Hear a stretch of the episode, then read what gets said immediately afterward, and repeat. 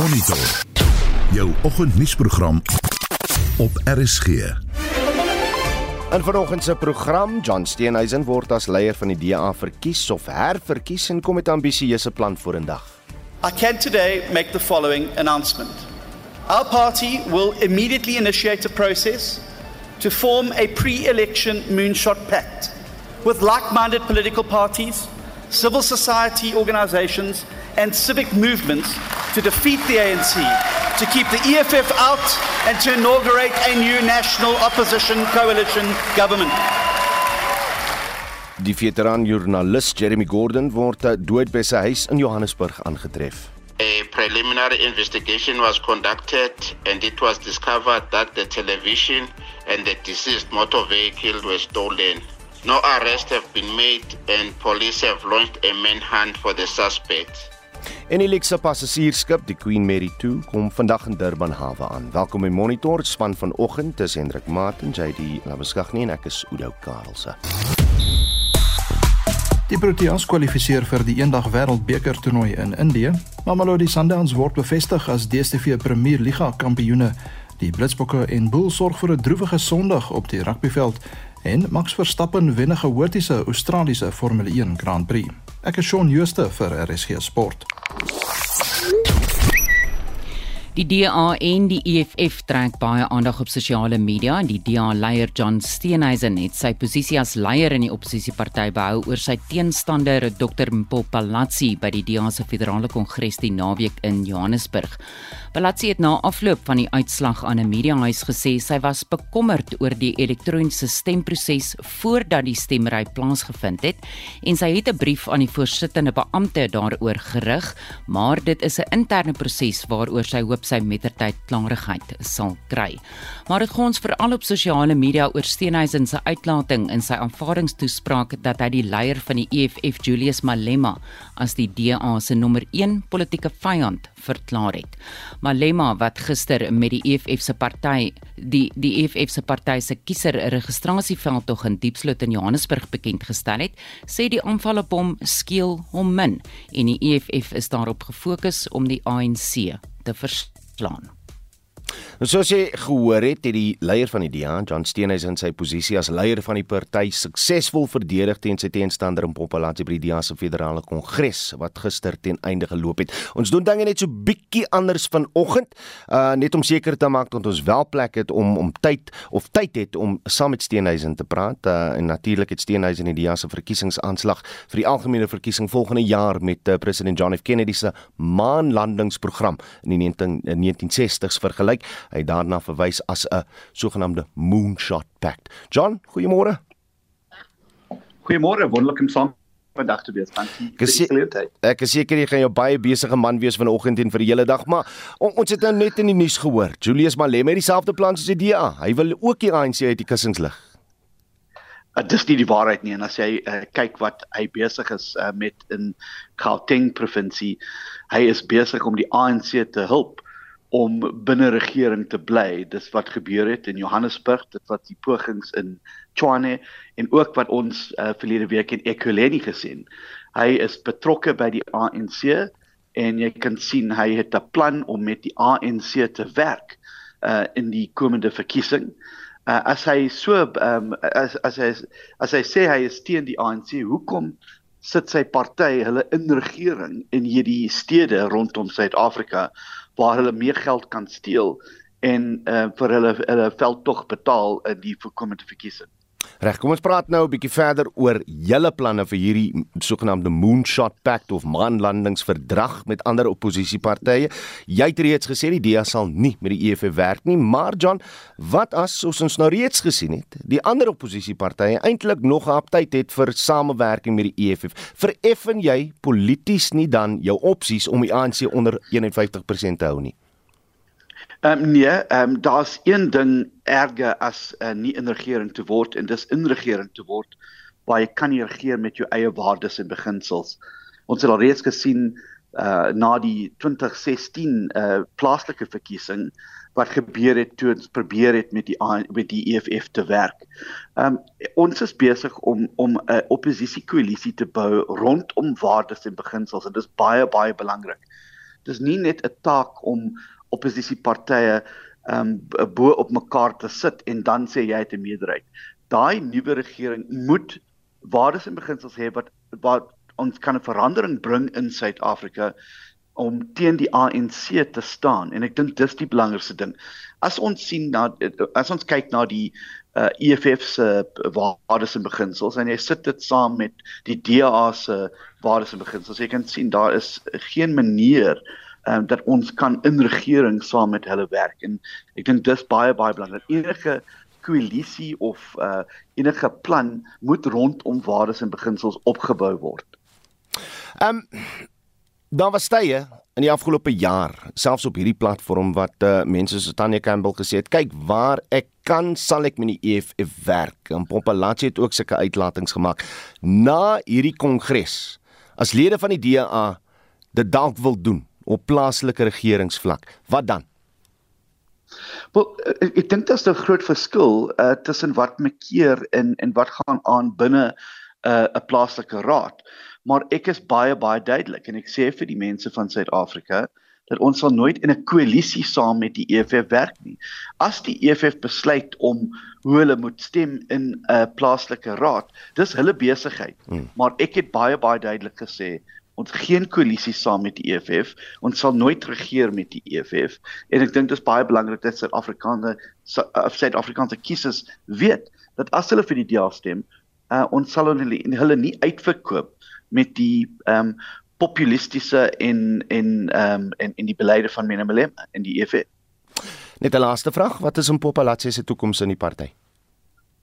Uh, ek dink ons sal in die in die in die komende weke um, sit en praat, maar ek dink sy het 'n groot rol te te speel in die party as ons nou voortgaan. Sy het gesê sy het verloor en sy sal die leierskap van die party ondersteun. Ons het almal nodig nou in die DA om ons veldtog te bou en seker te maak dat mense stem vir die DA in die komende verkiesing en ek ek dink sy sal ehm um, dit sal wonderlik wees as sy betrokke uh, word by hierdie veldtog wat ons besig is nou om te bou.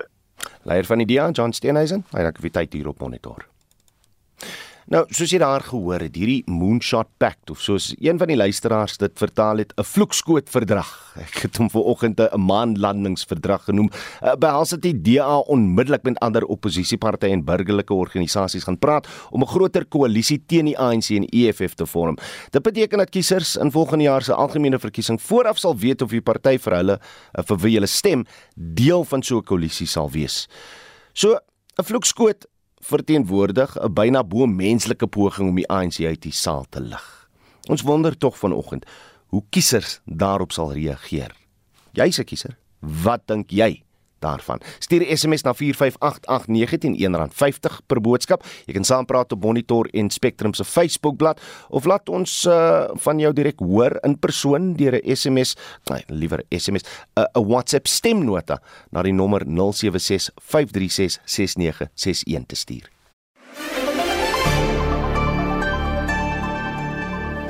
17 minute na 6 ons bly by ons hoofstorie die herverkiesing van John Steenhuisen as leier van die uh, Demokratiese Alliansie en praat nou met ons spesialis verslaggewer wat die kongres bygewoon het Sya van der Walt. Sy goeiemôre. Goeiemôre. Ek was Saterdag aan met jou. Jy was heel naweek daar. Hoe sou jy die gees opsom binne die DA toe alles gister verdaag het? Ek dink dit was ehm um, verligting dat dit na twee dae verby is, maar ook opgewondenheid oor oor dit wat voorlê. Ehm um, die laaste 2 dae by die DA was veral gefokus om voor te berei vir 2024 se nasionale verkiesing. Um baie werk is al sedert 2019 ingesit. Um en dit is wat John Steenhuisen ook in sy sy um uh, toespraak gedeurgegee het om te sê daar is gewerk aan kwessies soos interne eenheid, um om korrupsie en daai tipe van goed uit hulle geleedere uit te ver, laat verdwyn. En nou kyk hulle na 2024 ek dink dit is wat wat um die gees daar was. Dis nou gefokus gedetermineerd en hulle wil nou begin werk aan die die doelwitte vir 2024 Wat was in Popalatse se reaksie uh, oor die feit dat sy wel dat John Steenhuisen 83% van die stemme gewerf het Ek dink nie dit was regtig 'n verrassing geweest nie. Ek dink mense uh, sy het haarself beskikbaar gestel om verkies te word. Um baie mense gesê dit is te vroeg. Sy self het gevoel dit is die regte tyd. Maar ek dink nie dit as as 'n verrassing vir gekom nie. Um as met almal met wie ons gesels het, elke persoon wat jy omtrent genader het gesê hulle gaan vir John Steenhuisen stem. Nie omdat sy nie goed genoeg is nie, dis net um hy het baie meer ehm um, ervaring ehm um, as as leier en ehm um, hy sê uh, hy 22 is deel van van die politieke ehm um, raamwerk so daar's baie meer um, gesag wanneer dit kom by hom as 'n leier en daarom het hulle vir hom gestem. So van van haar uh, oogpunt af was dit soos ek sê nie 'n verrassing gewees nie. Kom ons praat bietjie oor uh, die stemmery oor resolusies wat nou Saterdag hoofsaaklik gebeur het. Uh, daar waar resolusies aanvaar moes word al dan nie. Wat staan vir jou uit uh, ten opsigte van daai proses? Daar was 43 resolusies wat die DA na gekyk het. Moet sê die proses is baie vinnig. Um die resolusies word vooraf voorberei, um saamgestel in 'n 'n boek en dan uh, word dit dan elke elke resolusie omtrent 2 minute wat die persoon wat dit dan voorgelê het uh, om dit dan te bespreek en daarna word dan gestem. So elke afgevaardigde kry 'n groen of 'n rooi kaartjie. Die kaartjie word opgesteek. Um die meerderheid of dit nou groen of rooi is word dan aanvaar. Ek dink van die uh, resolusies wat maar vir my bietjie uitgestaan het was die feit dat die die DA sê die die onafhanklikheid van die Reserwebank moet ten alle koste beskerm word. Dan het hulle gepraat oor um, 'n um, geregtelike kommissie vir ondersoek wat ingestel moet word deur die parlement om te kyk na um, plaasmoorde en dan uh, praat hulle ook oor same uh, die wette vredesooreenkomste tussen Oekraïne en Rusland um, vir die oorlog wat daar tans aan die gang is en as Suid-Afrika ook uit BRICS moet gaan, ehm um, die die ooreenkoms wat ons het met lande soos byvoorbeeld China, Rusland en daai tipe van ding. En ek dink die laaste ding wat ook nog uitgestaan het, het nog gefokus op een of twee resolusies gefokus op ehm um, dierebeskerming en ehm um, hulle sê die nasionale lotto moet meer geld bewillig vir ehm um, dierebeskerming wanneer daar geld uitgedeel moet word. En dit was ons spesialis verslaggewer Sya van der Walt vir meer ontleding oor die herverkiesing van John Steenhuisen eh, as leier van die DA en sy sogenaamde Moonshot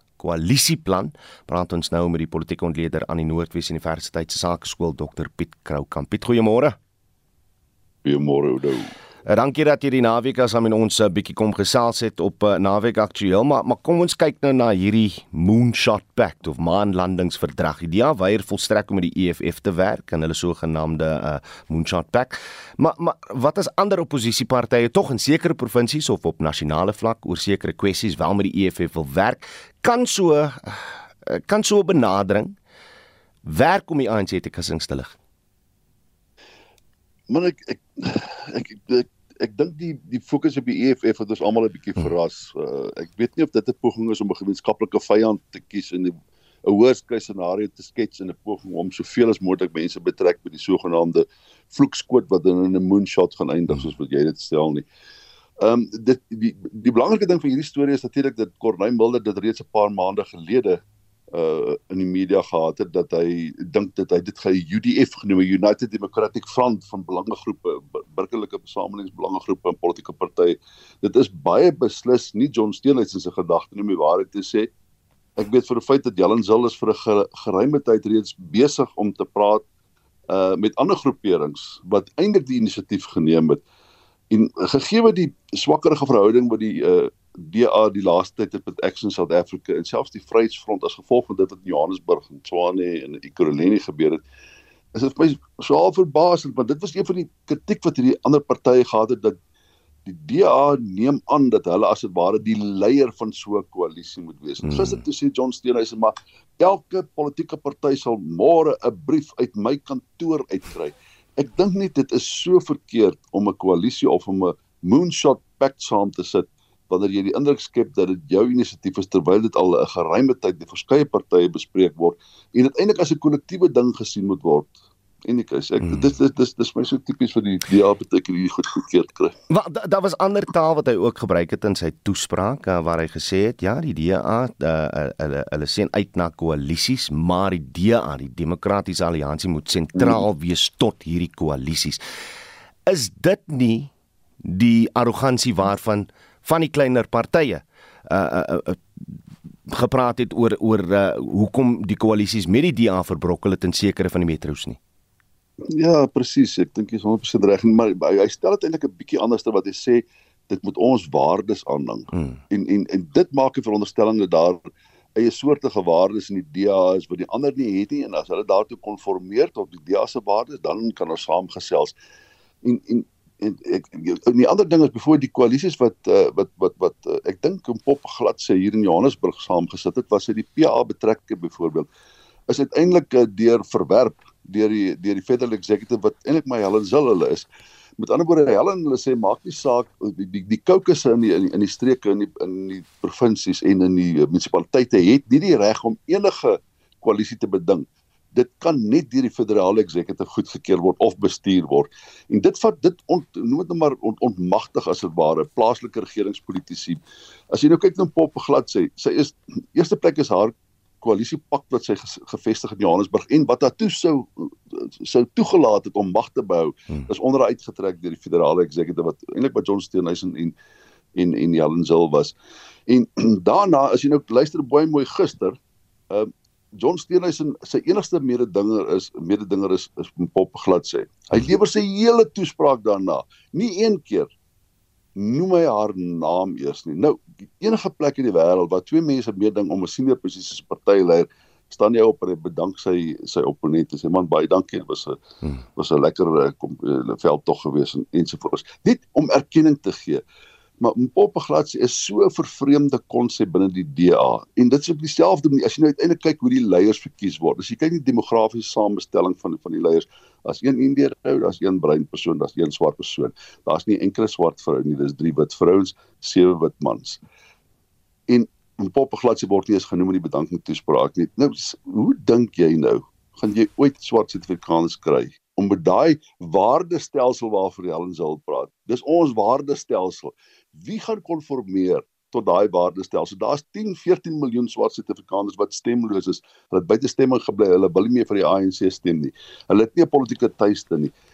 As dit die waardestelsel is, hoe oortuig jy daai mense om vir jou te stem? Ek ek dit is so 'n vervreemding dat ek ek ek ek kan nie verstaan wat gaan aan in hulle koppe. Hoe dink hulle oor hierdie goed nie? Want dit is baie duidelik dat daar geen groter strategie is om werklike verkiesing te wen nie.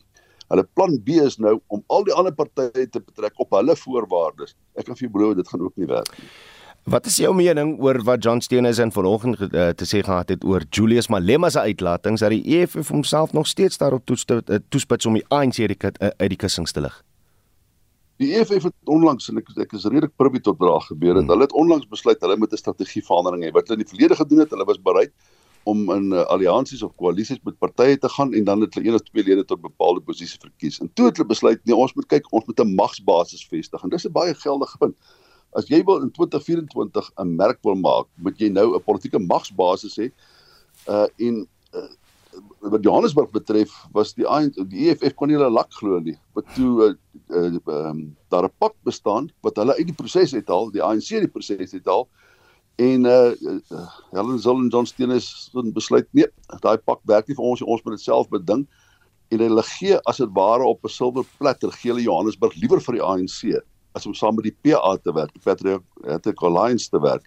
Nou die die EFF dink ek is besig om die, hulle die regte idee nou. Hulle sê jy moet bepaalde magsbasisse en toe probeer hulle in hier in in in, in Johannesburg en in Tswane en in Ekurhuleni onder andere met die ANC sê, "Hoekom vat jy daai party vat nie die ANC nie of daai vat ag vat vat nie vir Johannesburg nie. Ons vat vir Ekurhuleni en julle vat vir Tswane." Kom ons verdeel dit sodat elkeen 'n magsbasis het aanloop na die verkiesing in 2024.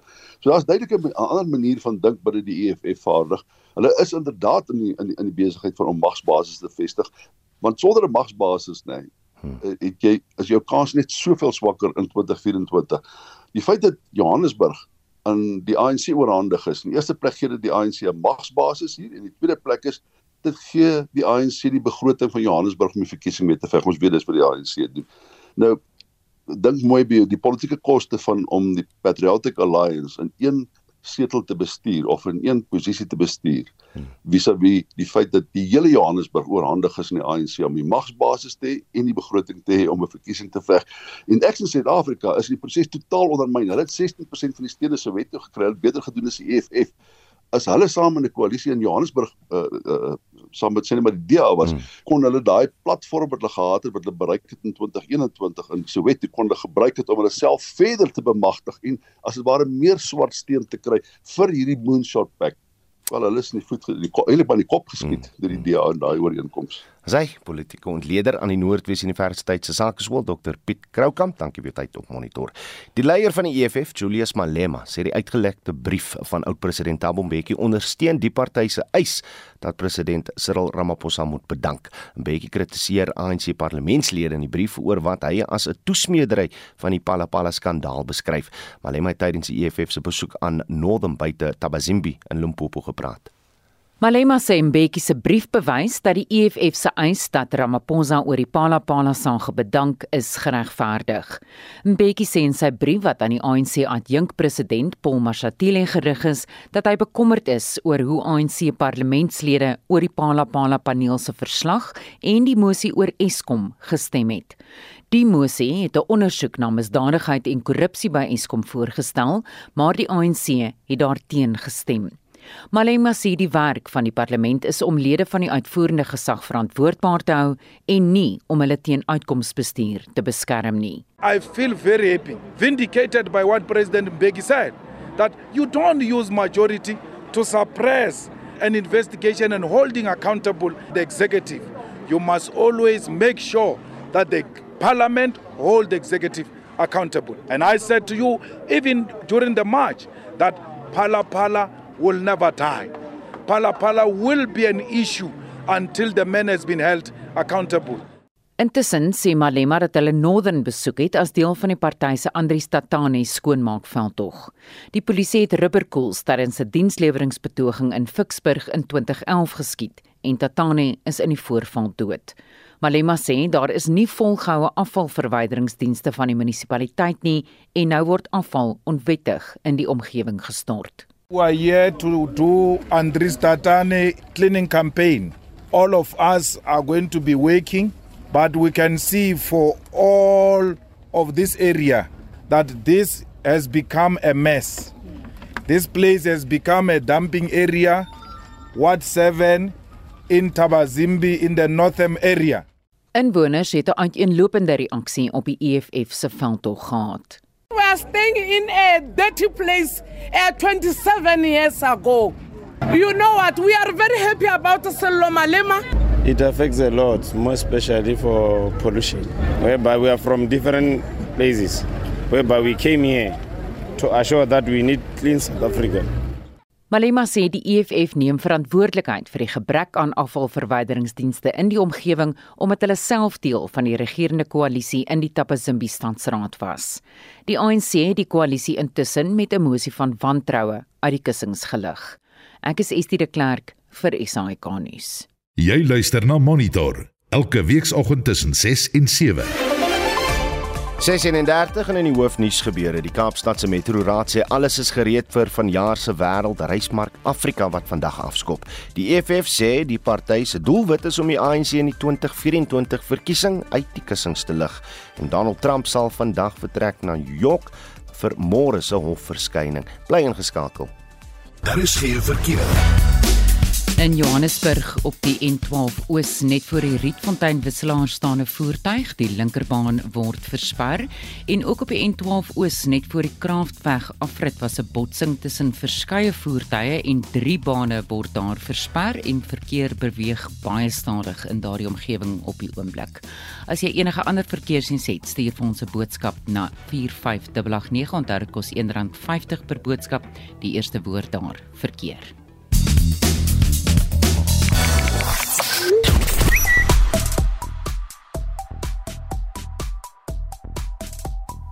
Nou die DA leier John Steenhuisen se idee van 'n moonshot pact of soos een luisteraar dit vertaal het 'n vloekskoot verdrag behels dit die DA onmiddellik met ander oppositiepartye en burgerlike organisasies gaan praat om 'n groter koalisie teen die ANC en EFF te vorm. Dit beteken dat kiesers in volgende jaar se algemene verkiesing vooraf sal weet of die party vir wie hulle stem deel van so 'n koalisie koalisie sal wees.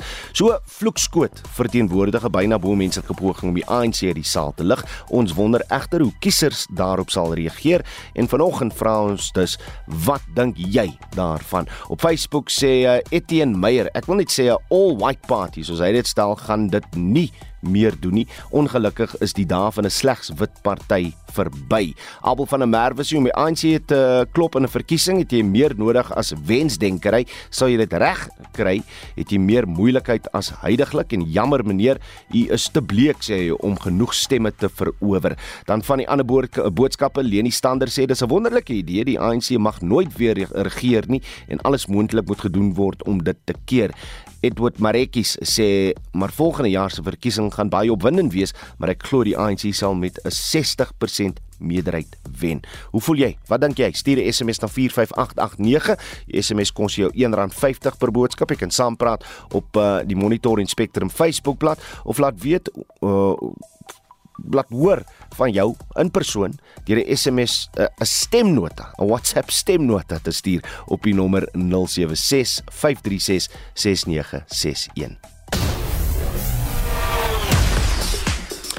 Reg nou tyd vir die jongste sportnuus. Uh, Shaun Jooste staan gereed. Shaun, goeiemôre. Goeiemôre Oudo. 'n Verwoestende vertoning deur Aiden Makram en Sisanda Magala verseker uh, gister dat Suid-Afrika se vlug Indië toe later in 'n jaar verseker word. Ja, uh, Makram met 'n asemrowende 175 van 126 balle en David Miller ook 91 van 61 balle gemoker om te sorg dat Suid-Afrika se 370 vir 8 buite bereik van Nederland is. Die besoekers word toe vir 224 uitgebul met Magala wat 5 paaltjies vir 43 lopies laat kantel het. Suid-Afrika wen die reeks 2-0 en kwalifiseer outomaties vir die Wêreldbeker in in in Indië later die jaar. Nou hoe ons bly net vinnig in Indië gister in die IPL reeks, die Royal Challengers Bangalore het met 8 paaltjies teen die Mumbai Indians geseëvier. Die voormalige Protea kaptein Faf du Plessis wys sy waarde moontlik nog vir 'n span vir 'n plek in die nasionale span en hy 73 lopies vir Bangalore aangeteken en die Rajasthan Royals het die Sunrisers Hyderabad ook met 72 lopies afgeronsel. Moet lekker wees om Sundowns te wees, want jy kan op jou gemak sit en sien hoe ander spanne speel en dan verower jy nog steeds die DStv Premierliga. Ja, Sundowns is die naweek as 2022-23 DStv Premierliga kampioene bevestig alhoewel hulle in die Afrika Kampioenliga in aksie was. Nou SuperSport United se 1-1 gelykop uitslag teen Chippa United los Sundowns met 'n voorsprong van 19 punte terwyl hulle naaste teenstanders nog net 6 wedstryde oor het. Dit is Sundowns se 6de agtereenvolgende en 16de algehele Premierliga titel. Ons kyk na twee ander uitslae in die DStv Premierliga. Orlando Pirates wen weg 2-0 teen Richards Bay en Kaizer Chiefs wen tuis 2-1 teen Stellenbosch FC. Dan net vinnig na die Engelse Premierliga. Ons kyk daarna drie tellings. Newcastle United 2, Manchester United 0, Manchester City 4, Liverpool 1, Arsenal 4, Leeds United 1. En ek sien uh, Chelsea het Graham Potter in die pad gesteek na die naweek se nederlaag teen Aston Villa. Chelsea natuurlik nou buite die top 10 in Engeland. Het wat van 'n gemengde naweek op die rugbyveld vir Suid-Afrika. Ja, by die Hong Kong Sevens toernooi het die Blitsbokke 60 geëindig nadat hulle die uitspelwedstryd vir die 5de plek teen Argentinië met 7-5 verloor het. Die toernooi word deur Nieu-Seeland gewen na 24-17 oorwinning oor Fiji en dan net in die ander rugby in die Heineken Kampioenebeker is die Bulls gister in die laaste 16de ronde in Frankryk deur Toulouse met 33-9 uitgeskakel. Die Sharks en Stormers dring deur na die naweek se kwartfinale. Dit is teen Toulouse en Exeter onderskeidelik en die Lions is ook deur na die laaste 8 in die Europese uitdagebeker. En gister se Australiese Grand Prix sal onthou word vir sy rooi vla, baie ongeluk en Ferrari wat met leeande wegstap son. Ja, daar was 3 rooi vlae wat beteken die die wedren moes 3 keer van 'n stilstaande posisie uh, oor begin word. En uh, uiteindelik was dit Max Verstappen van Red Bull, die renjaer daar van Nederland wat vir die eerste keer in sy in sy loopbaan met die 25 punte uit Australië stap. Hy reg ook sy voorsprong op die kampioenskap na 15 punte oor sy spanmaat Sergio Perez. Die Brit Lewis Hamilton was tweede vir Mercedes en die uh, Spanjaard Fernando Alonso derde vir Aston Martin. Nou nuwe laagtepunt vir Ferrari. Carlos Sainz eindig 12de en Charles Leclerc se wedren eindig nog voor die eerste ronde om die baan voltooi kon word. En dit was Shaun Jooste van RSG Sport. RSG Geldsaake is die grootste besigheidsradioprogram in die land. Ek gesels elke weeksaand met prominente sakeleiers, beleggingsspesialiste en ontleeders oor die belangrikste nuusgebeure in die sakewêreld. NASA het 'n berg op Mars vernoem na die ruimtekundige Japie van Sail. Elke dag wanneer ek dink aan daai berg op Mars, dan bring dit by my tuis wat Suid-Afrikaners kan regkry. Dit was Andrei Pinaar van C5. Dit sluit elke weeksaand by my Ryk van Niekerk aan vir RSC Geldsaake om te weet hoe ontwikkelings in die sakewêreld jou raak. RSC Geldsaake word aan jou gebring deur Absa. The bravery to imagine. That's Africanacity. Die dood van die veteran joernalis Jeremy Gordon word as 'n groot verlies vir die media in Suid-Afrika beskryf. Die joernalis en redakteur is Vrydag aand tydens 'n onskynlike rooftog by sy huis in Parkview, Johannesburg, vermoor. Die besonderhede rondom die voorval is nog onduidelik, maar Gordon het na sy aftrede 'n justisieprojek by Wits Universiteit se skool vir journalistiek bedryf. Frans Kreer is die eh, voormalige hoof van Wits Journalistiek en die stigtersdirekteur van die Wits Radio Akademie. Frans, goeiemôre. Goeiemôre. Jou gevoel oor sy dood? Well, it was a terrible shock, of course. Um, the, when we heard the news of of, of um, Jeremy's death, and particularly the manner in which he died, he is a he was a, an extraordinary figure in journalism for many many years, um, and he will be enormously missed. Um, so it was a it was a real it was a real shock. Um, I mean, he was he was 70 years old. It had been some years um, since he was very, you know, he was very active. But as you said, he was uh, he headed our justice project at Wits University. Um, during that time, uh, he played a, a, a central role in um, achieving, you know, getting two two men freed who'd been unjustly um, jailed. So his contribution really uh, was substantial. He leaves a, a very big legacy and a very big hole. As as jy saam met hom of vir hom gewerk het of as jy nou 'n onderhoud gevoer het saam met hom, moet jy jou dink en hoe sou jy hom uh Frans beskryf as as mens? Well, he was tough. Um he was a short burly man. Um and he was tough. He didn't um he spoke very plainly. Um uh, he spoke very directly. He didn't suffer fools gladly. Um, he was a journalist's journalist. I mean, he was very committed to the craft, very upright, um, and um, and very straightforward. So, as you say, you needed to know your stuff if you were going to work with him. Um, he he worked at the Daily Sun as the editor for some time, um, also deputy editor, I think, of the Star. Um, so numerous kind of senior positions and people who worked in the in newsrooms with him, which I did not. Mm. say you know he was absolutely committed to to supporting them um, in their work but uh, you know expected expected hard work from them Ja, dankie vir die helder blik. Dis Frans Kreer, hy is die voormalige hoof van Wits Journalistiek en die stigtersdirekteur van die Wits Radio Akademie. Nou oud-president Donald Trump is die eerste Amerikaanse president wat strafregtelik aangekla word. Dit volg na ondersoek oor omkoopgeld wat Trump na bewering in 2016 aan die pornoster Stormy Daniels betaal het. Vir meer hieroor praat ons nou met 'n professor in praktyk aan die Universiteit van Johannesburg, Theo Venter. Theo, goeiemôre. Môre Oude. Verskeie media berig dat uh, Trump te reg staan op meer as 30 aanklagte. Wat weet ons in hierdie stadium oor die rits aanklagte en waarmee hou dit hoofsaaklik verband? Ja, dit hou hoofsaaklik verband met uh, met Stormy Daniels. Dit hou hoofsaaklik verband met een van sy groot ehm um, raadgewers, meneer Cohen wat uh, terwyl uh, Donald Trump president was in hegtenis geneem is op allerlei klagtes rondom geld en en en hoe geld gehanteer is en dies meer en ek dink Cohen het staatsgetuie geword en dit is wel hoofsaaklik op sy ehm um, getuienis wat hierdie uh, aanklagte teen teen ehm um, Trump geloods is. Nou die Amerikaanse stelsel is 'n bietjie van 'n 'n ander ehm um, stelsel as ons inne waar die klagtes teen Trump is eintlik nog geheim. Hulle noem dit verseël. Hmm. En dit word eers in die hof ehm um, geopenbaar en dan moet Trump ehm um, daaroor ehm um, 'n uh, soort van 'n posisie inneem en kan hulle dan besluit om hom ehm um, vry te laat natuurlik op borgtog of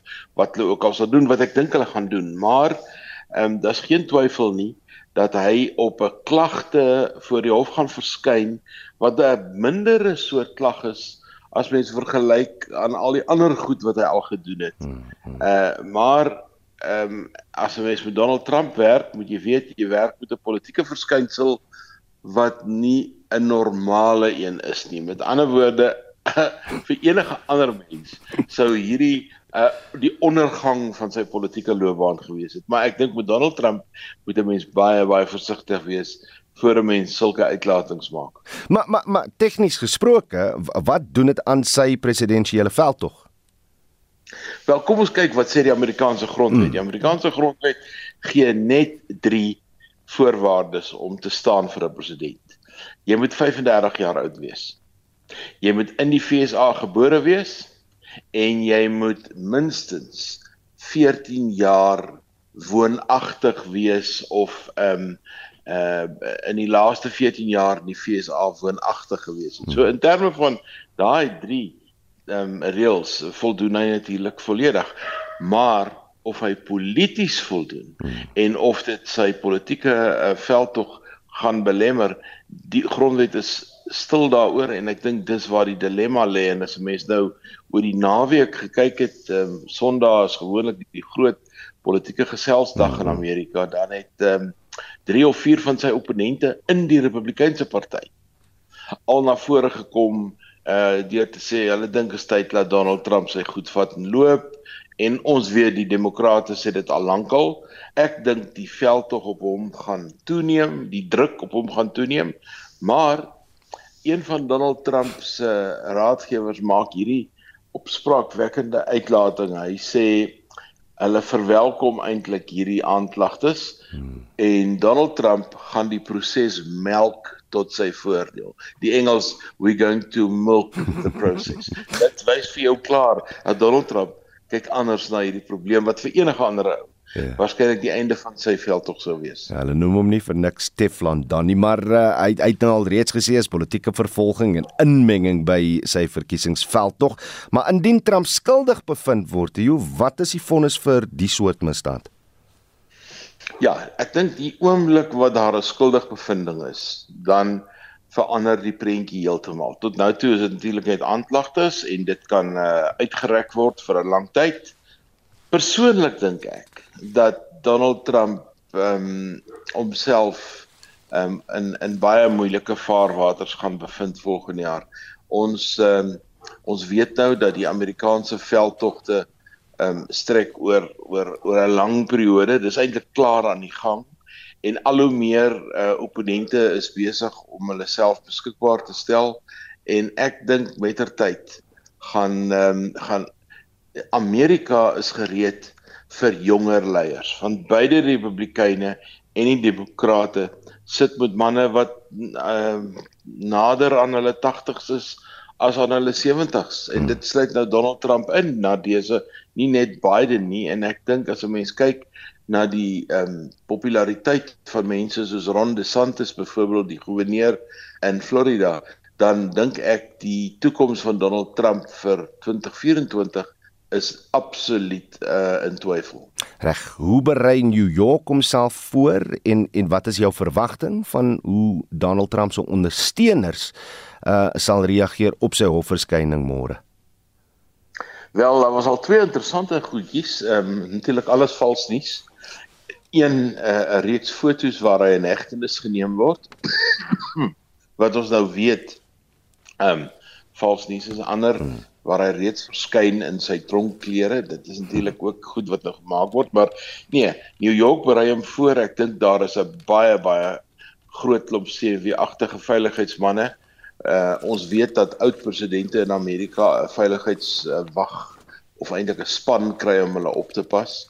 So hierdie hele proses moet nou um, gekoördineer word tussen sy eie veiligheidsmense, die veiligheidsmense van die New York stad en natuurlik ehm um, ek wil nou nie lelik wees met julle oues in die media nie, maar kom ons praat van hordes media mense en kameras wat gaan klik.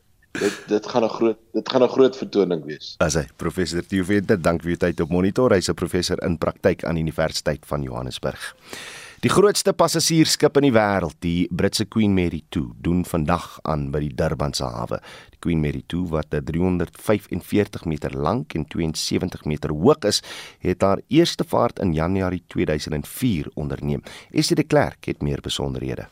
Koningin Elisabeth II het die passasiersskip in 2004 na die eerste RMS Queen Mary van 1936 vernoem. Net meer as 2600 passasiers kan op haar vaar en 1200 bemanningslede sorg dat alles aan boord klop tusselboom verloop. Goeie nuus vir Suid-Afrika se toerismebedryf is dat die Queen Mary 2 vandag by die Durbanse hawe aandoen.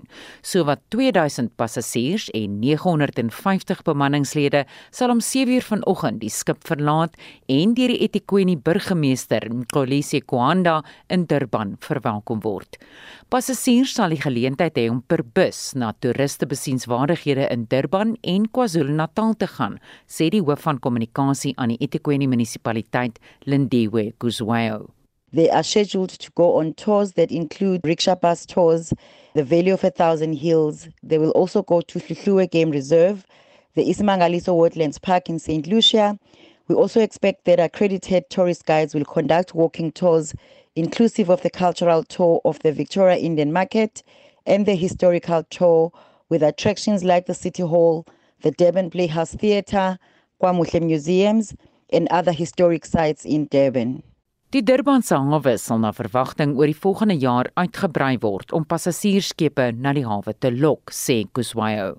It's been a while since we last welcomed the Queen Mary 2 to our shores. We are hoping that more cruise liners will make a stop in Durban as the port waterfront developments are taking shape. These developments include the state of the art Nelson Mandela Cruise Terminal, which is already in operation. They also include the extension of the promenade to make it the longest promenade. It is expected to extend from Blue Lagoon to the harbour mouth. New developments are expected to be a major draw card for cruise liners and will include five star hotels, a museum, an exhibition centre, a mall, apartments, and an African cultural centre as well as science centre. Die nasionale departement van toerisme het 'n strategie uiteengesit om passasiersskepe te lok om by Suid-Afrikaanse hawens aan te doen om toerisme in die land te bevorder. Ek is Estie de Klerk vir SAK nuus. Vir meer oor wat dit vir toerisme in Suid-Afrika kan beteken as hierdie soort passasiersskepe by hawens in ons land aandoen, praat ons nou met die navorsingsdirekteur van Tries aan die Noordwes Universiteit, professor Elmarie Slabbert. Elmarie, goeiemôre. Goeiemôre Oudo. Wat wat beteken hierdie een, hierdie spesifieke besoek aan of vir toerisme aan KwaZulu-Natal? Jong, ek dink op hierdie stadium is hierdie verwikkelinge baie welkome ekonomiese inspuiting vir attraksies wat die afgelope 2 jaar baie swaar getrek het. En natuurlik meer toeriste, Oudo beteken meer geld vir KwaZulu-Natal.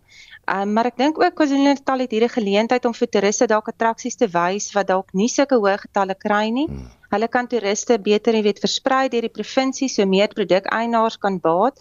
En natuurlik as as mense so saam beweeg in busse het hulle te beheer oor die veiligheid van van toeriste. So hierdie is definitief 'n ongelooflike geleentheid vir KwaZulu-Natal op hierdie stadium. Ek sê dit nou heeltemal tong in die kies, maar ek wonder hoeveel Tottenham Hotspur ondersteuners op hy skip is praat jy? Luister, dit is deel van die nasionale departement van toerisme se strategie om passasiersskepe na die land te lok oor die lang termyn. Uh, hoe gaan dit of hoe kan dit die ekonomie en toerismebedryf positief beïnvloed? Ja, ek ben vroeër het Essie gesê op so 'n skip is daar meer as 2000 passasiers. So daar moet verseker ervarings geskep word vir passasiers op land. Dis ongelooflik belangrik. So hier's geleenthede vir ontwikkeling van toere, jy weet die skep van aandenkings, besoeke aan attraksies. Ehm um, daar moet geleenthede wees waar toeriste met ander woorde hulle self kan geniet. En ek dink die belangrike is as hierdie ervarings positief is, dan kan dit aanleiding gee tot terugkeer besoeke wat natuurlik ons ideaal is. So jy skep so half nou so voorsmaakie van sy, van wat Suid-Afrika kan bied. Ehm um, en as hulle dit goed dink, goed doen, dan dink ek jy weet dis 'n baie goeie strategie om die, om eintlik die hele bedryf verder uit te brei. En na watter ander inisiatiewe moet die Suid-Afrikaanse toerismebedryf kyk om meer internasionale toeriste op 'n meer gereelde basis na ons land te lok? Ja, ek dink Suid-Afrika, jy weet, Oudo het 'n lewendige toerismeproduk met ervarings in, jy weet, wildlewe en strandvakansies en en kulturele interaksies en die en die die mooi ding hiervan dit dis elke keer 'n unieke ervaring jou besoek in 'n nasionale park is net nooit twee keer dieselfde nie. Hmm. So ek dink Suid-Afrika moet op hierdie stadium klem lê op die uniekheid en die verskeidenheid van dit wat ons bied, maar ek dink die geleenthede lê tans in die ontwikkeling van landelike toerisme moontlikhede wat wat onderbenut is. Jy weet ek dink aan aan dinge soos agritourisme wat 'n opwindende opsie is, um avontuurtoerisme wat verder ontwikkel kan word. En en wanneer toeriste kom, wil hulle gewoonlik twee dinge beleef. Hulle wil die omgewing beleef en hulle wil die mense beleef en landelike omgewings is ideaal vir juist dit.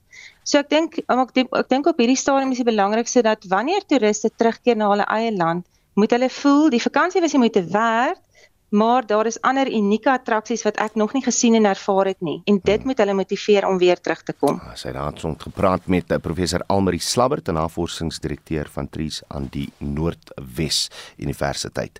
Die nasionale departement van gesondheid sê watermonsters is uit die Jukskei en Klippervuur in Johannesburg geneem vir ontleding om vas te stel of die water met kolera besmet is. Dit volg na 11 kolera gevalle bevestig is. Die jongste gevalle is almal die afgelope week in Gauteng aangemeld en is as inheemse gevalle geklassifiseer. Die nasionale gesondheidsdepartement vermoed die gevalle van kolera kan met die Jukskei en Klipprivier verbind word.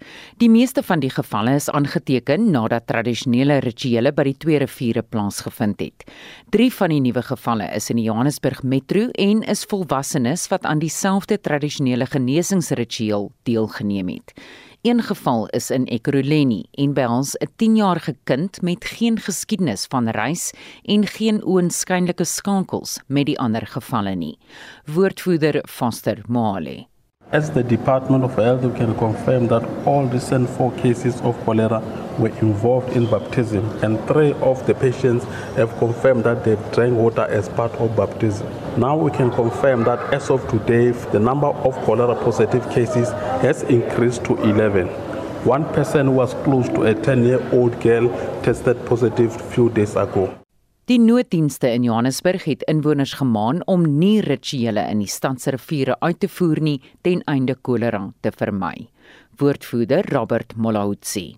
We would like to urge our residents out there, especially our residents who normally conduct baptism rituals in most of our river streams to make sure that they exercise caution or even try and refrain from conducting the rituals in most of our river streams so that we can be able to prevent this cholera outbreak. Inwoners van Diepsloot sê hulle is nou bang om water uit die Jukskei rivier te gebruik nadat hulle gehoor het mense het kolera gekry.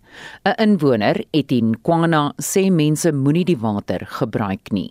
It can kill you, it can cause you damage in your stomach, it can harm you, the first thing that you can do is that hygiene. Wash your hands, drink water that is suitable for your life. Die nasionale departement van gesondheid sê hulle wag nog vir die uitslag van toetse wat op water uit die klip en Jukskei riviere gedoen is. Hierdie verslag is saamgestel deur Sasha Naidu en ek is Estie de Klerk vir SAK nuus. Daar is geen verkeer.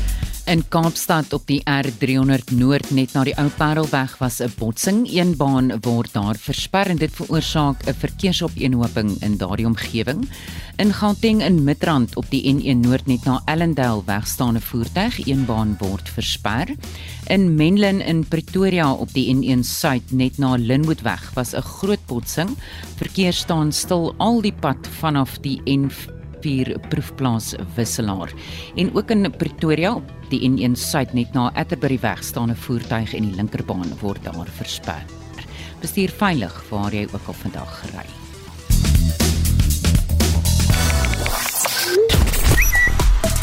Internasionaal is die FSA se voormalige president Donald Trump omtrent in die spervuur vandag. Die hitsmerk Mar-a-Lago is ook baie gewild op sosiale media en dit Dis met verwysing na Trump se woning en die departement van justisie in die VSA en FBI ondersoekbeamptes wat sê hulle het nuwe bewyse gevind wat moontlik daarop dui dat Trump wou inmeng met die ondersoek na hoogs vertroulike dokumente wat in sy huis gevind is. Reg nie daar verkose leier van die DA John Steenhuisen het gister gepraat van 'n vloekskoot verdrag wat behels dat die DA onmiddellik met ander oppositiepartye en burgerlike organisasies gaan praat om 'n groter koalisie teen die ANC en EFF te vorm. Dit beteken dat kies, kiesers in volgende jaar se algemene verkiesing vooraf sal weet of die party vir wie hulle stem deel van so 'n koalisie sal wees. Soos 'n vloekskoot verteenwoordig uh, dit 'n byna mense, 'n bo-menslike poging om die ANC uit die saal te lig. En ons wonder vanoggend hoe kiesers daarop sal reageer. As jy kyk na die SMS lyn, sê Sandra Steenhuisen is reguit met sy strategie. Hy's eerlik en sal jou nie in die rug steek deur te verras met strategie verandering nie. Ehm um, dan sê nee, is anoniem. Solank ek in Ventersdorp bly, sal ek vir die Vryheidsfront Plus stem. Dis net hulle wat help met die krag en waterprobleme hier. Jy hoor nooit van enige ander party wat iets doen nie. As ek in Pretoria bly, uh soos my familie, dan sal ek beslis vir die DA stem. En van die boodskappe op ons Facebook bladsy Piet Barends sê 100% goeie idee, wat 'n mooi land uh wat hier agter uitgaan. Uh Warren Estreisen sê die DA moet begin gryp na Hams aangesien hulle baie steen verloor as oppositie beteken hulle ook maar min. William Juma sê as ons almal net wil saamstem dan uh, dat daar 'n vergadering en 'n verbetering kom. Uh Stefan van Heerden sê dis tyd vir saamstand teen die ANC en die EFF. Die tyd vir steel, lieg en moor is verby. Uh en dan kan jy ook jou mening lig deur 'n SMS te stuur na 45889 R1.50 per boodskap. Jy kan lekker saamgesels op die uh, Monitor en Spectrum Facebook bladsy of stuur vir ons 'n uh, WhatsApp stemnota na die nommer 0765366961. Ons groet namens ons uitvoer uitvoerende regisseur Nicoline de Wee, ons redakteur vanoggend was Henry uh, Hendrik Martin, ons produksieregisseur was JD Labuskaghni en ek is Udo Karel. Se geniet die res van die dag in die geselskap van RSG. Totsiens.